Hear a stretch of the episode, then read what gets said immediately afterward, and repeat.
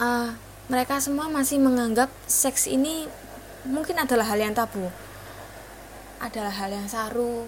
Maksudnya orang umum kayak gitu dicerita-cerita ke karena iku masuk apa ya masuk ke wilayah privat banget kalau ngobrolin soal itu. Padahal kan enggak.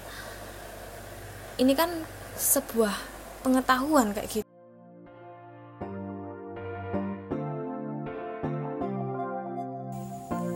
Hai, kamu sedang mendengarkan Jangan Nyasar Podcast yang membahas hal-hal ringan tentang anak muda yang kadang bingung, kesasar, tapi ada juga yang tahu jalan. Selamat mendengarkan.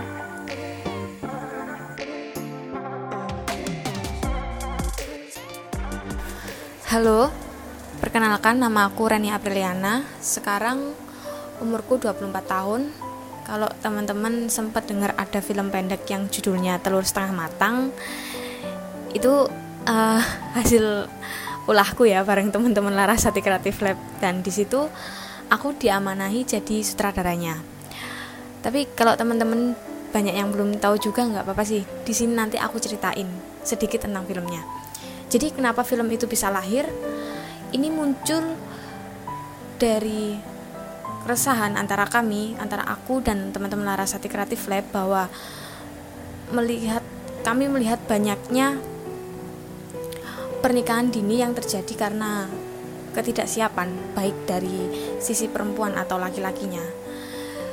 Terkhusus ketidaksiapan dalam menyikapi problem kehamilan yang tidak diinginkan atau kehamilan yang tidak direncanakan kayak gitu dan nggak perlu juga aku tunjukin satu persatu kasusnya di mana pun kita juga tahu banyak bahwa banyak pernikahan yang terjadi karena hal demikian kayak gitu. Karena bertujuan untuk sekedar menyelesaikan permasalahan kayak gitu.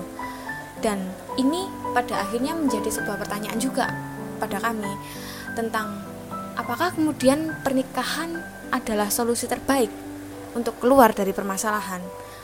Atau ini menjadi semacam jalan keluar para orang tua untuk lari atau menutupi rasa malu. Karena dalam realitasnya nggak dipungkiri uh, ketika kita punya anak perempuan atau perempuan yang hamil di luar pernikahan ini stereotipnya menjadi semacam binal menjadi perempuan yang dianggap nakal menjadi aib bagi keluarganya kayak gitu. Terus kalau kita bicara tentang kehamilan yang tidak direncanakan memang nggak akan terlepas dari adanya rahim perempuan itu sendiri. Di sini aku melihat rahim perempuan bukan lagi menjadi organ tunggal yang dimiliki perempuan itu sendiri.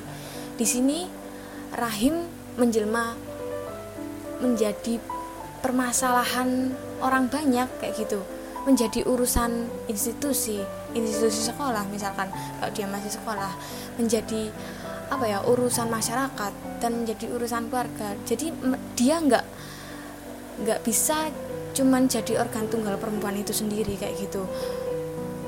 Dan otomatis rahim yang mengandung akan membuat perempuan itu menjadi seorang ibu kan?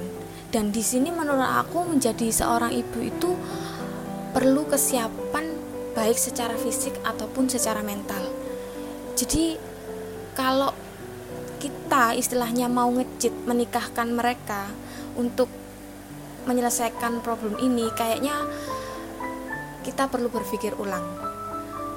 Apakah ini adalah salah satu salah apakah ini adalah salah satu jalan yang terbaik kayak gitu.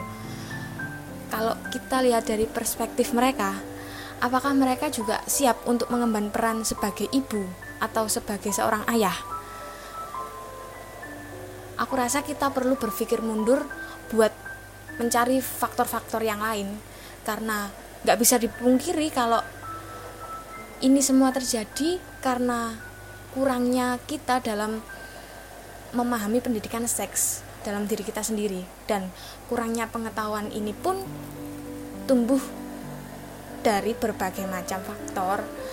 Ada faktor lingkungan ada ada faktor pendidikan ada faktor keluarga karena apa ya? Karena uh, mereka semua masih menganggap seks ini mungkin adalah hal yang tabu. Adalah hal yang saru.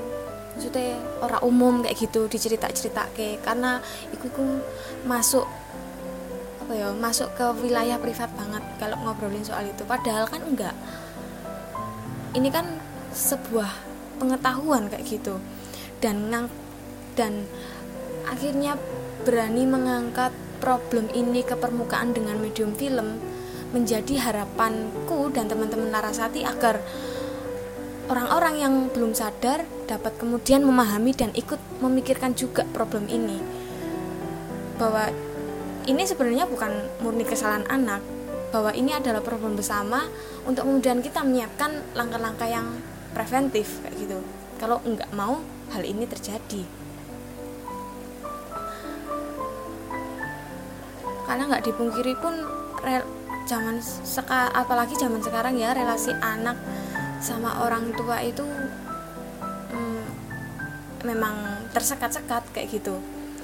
Aku jadi inget ketika film telur setengah matang uh, ini momen yang mungkin mengharukan ya.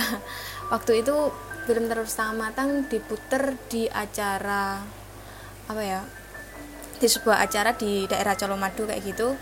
Dan di situ memang ada apa kru panggung kan. Ada seorang bapak-bapak juga ikut nonton. Bapak ini uh, seorang kru panggung. Jadi ketika dia menonton film telur setengah matang itu dia memang apa ya kelihatan hampir menangis karena terenyuh. Dan dia ngobrol sama kami kalau uh, iya ya anakku nih ngomah anakku juga tahu tak jak ngobroli. Dia punya anak cewek dan uh, anak cewek anak ceweknya itu sering dia tinggal kerja di luar karena pekerjaannya dia kan ngurusin event sana sini jadi dia nggak merasa dekat sama anak perempuannya kayak gitu. Dan dia setelah nonton film itu jadi kayak pengen tahu aja perkembangan anaknya kayak gimana kayak gitu dan tujuan kami memang kita pengen ngajak orang-orang buat merefleksi kembali sebenarnya yang salah di mana toh kalau apa problem ini terjadi. Dan di sini kan memang tumpuannya pendidikan seks. Dan menurut aku sendiri seks itu menarik. Seks itu menarik karena di dalamnya ada pengetahuan. Karena di sini definisi seks setahu aku ya perihal perbedaan jenis kelamin secara biologis perempuan punya vagina dan laki-laki punya penis. Udah. Di luar itu adalah peran gender di mana perempuan dan laki-laki terkonstruksi terkonstruksi ter apa gue jenengi lah? Terkonstruksi secara apa ya mereka perempuan kudu kok ini kok gini. Itu bu konstruksi masyarakat karena mereka tidak lepas adanya dengan adanya peran gender itu. Dan aku sendiri sebagai perempuan merasa seks ini pengetahuan karena aku jadi bisa lebih memahami kebutuhanku kayak gimana. Sesimpel memilih pembalut sing apik dinggo aku dinggo kesehatan dan kebersihan vaginaku dewi kayak gitu. Tentang kemudian bagian-bagian mana saja dari tubuhku yang dapat membuatku lebih sensitif terhadap sentuhan orang lain. Kan ini pelajaran ya di mana kita dapat membuat sebuah pengalaman yang sangat spiritual dengan tubuh kita sendiri kayak gitu. Kita dapat menjelajah bersama tubuh kita sendiri itu adalah pengalaman yang sangat-sangat intim sih. Dan ketika kita semakin tahu kita jadi semakin paham dengan yang namanya tanggung jawab atau konsensus atau yang namanya konsentrasi seksual kayak gitulah dan ini sangat-sangat penting buat bekal kita dalam membuat semacam pagar-pagar tentang bagian mana saja sih dari tubuh kita yang boleh atau tidak boleh disentuh orang lain. Tapi ketika kita sudah mengenal apa itu tanggung jawab, konsentrasi seksual dan kita dapat bertanggung jawab penuh atas tubuh kita masing-masing, ya silahkan kalian mau lakukan apa saja ya terserah kalian. Monggo kalian tahu uh, apa yang kalian lakukan dan bagaimana kelanjutannya. Aku pikir kita manusia kita makhluk berpikir ya. Jadi uh, di sini aku meyakini kalau kita semua itu pasti mendambakan kebebasan. Dan setiap dari diri kita juga punya otonomi atau aturan-aturan untuk uh, untuk tubuh masing-masing kayak gitu. Kita pengen ini kita juga juga punya batasan-batasan ini yang boleh atau tidak boleh orang masuk ke dalam diri kita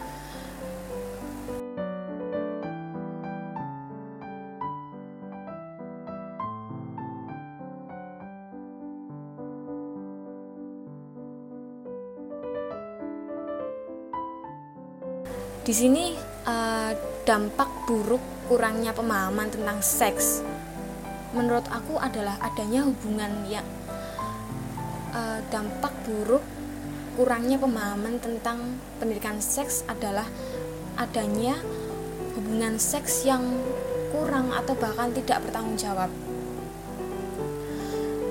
Terlalu melekat dengan hubungan kepemilikan yang rancu yang nggak ada konsentrasi seksual di dalamnya justru akan menimbulkan dampak-dampak yang lain. Misalnya yang tadi aku bahas di film telur setengah matang adanya kehamilan yang tidak direncanakan.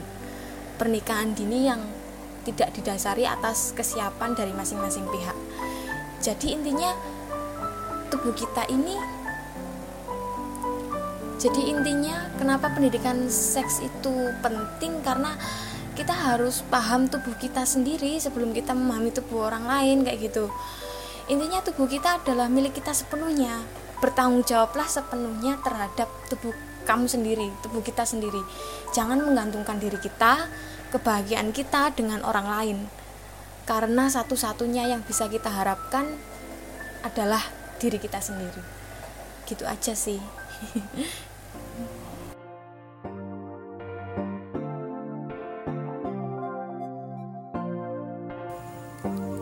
Terima kasih sudah mendengarkan podcast Jangan Nyasar. Jika kamu ingin menjadi kolaborator kami, kunjungi Instagram @jangannyasar.